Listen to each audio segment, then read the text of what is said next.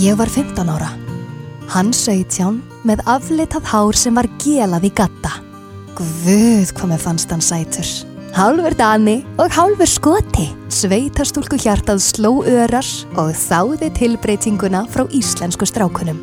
Hann var á ferðalagi með bekknum sínum um Ísland þegar við hittumst. Hann ætlaði reyndar að byrja með vinkonu minni fyrst en hún hafði ekki áhuga. Heppin ég. Hann var minn. Ástinn kviknaði hratt. Á degi tvö sagði hann blíðilega þessi draumkendu orð. I love you. Ég var upp með mér og sagði þau bara tilbaka. Já, vel þó ég vissi fátt um hann. Við vorum orðin kærustu pars.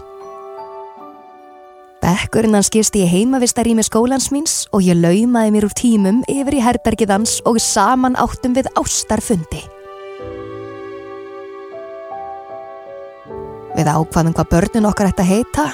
Hann vildi nefna dóttur okkar Apple, sem mér fannst hallærislegt en ég samþykti það. Enda myndu við eiga framandi barn og raukrétt að það bæri framandi nafn.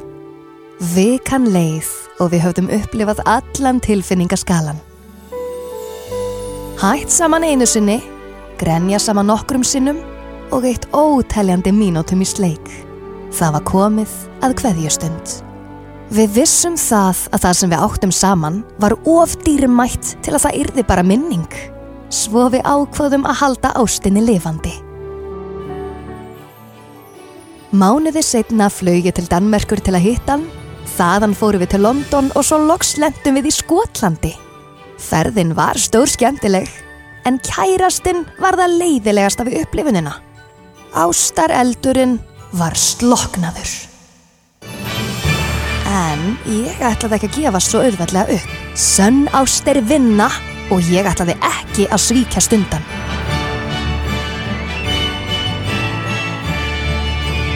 Tveimur vikum setna flög ég heim. Mér leið aftur vel og fann fyrir létti. Dagarnir liðu og draumaprinsinn heyrði lítið í mér. Allt í góðu, hann hlaut að vera eitthvað upptekinn.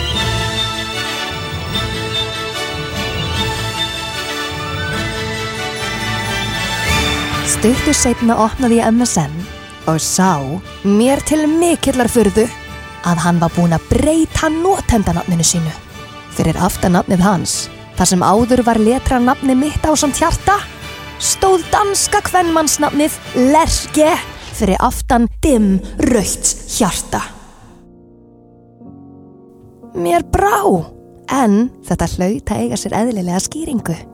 Um kvöldið fór ég á greifan með nokkurum vinum, en ég gat ekki hrista mér tilfinninguna að eitthvað væri að. Ég ringdi og ringdi og ringdi í draumaprinsinn, en hann svaraði ekki. Ég afsakaði mér snemma frá gleðskapnum og fór heim. Og þá kom síntalið. Hljóðið í honum var annað en vanalega. Þetta var ekkert að klassíska. Í dag borðaði ég samlokk og banan og fór í göngutúr. Síntal. Hann var fjarlægur og skrítinn. Já, það var eitthvað að. Hann tilkynnti mér það að hann gæti ekki verið kærasti minn lengur því hann var í búin að eignast nýja kærustu. Ég heyrði orðin bergmála í höfði mér og hrundi í gólfið.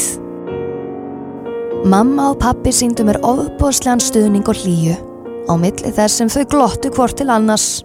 Mamma fór með mig á Ísrum til að hressa mig við en ég starði bara döif út um gluggan og brotnaði niður í hvert sinn sem ég sá eitthvað sem myndi mig á hann.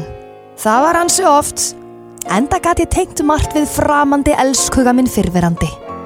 Rungdurinn kláraðist og ég held að í lok hans hafi ég verið komin yfir ástasorgina.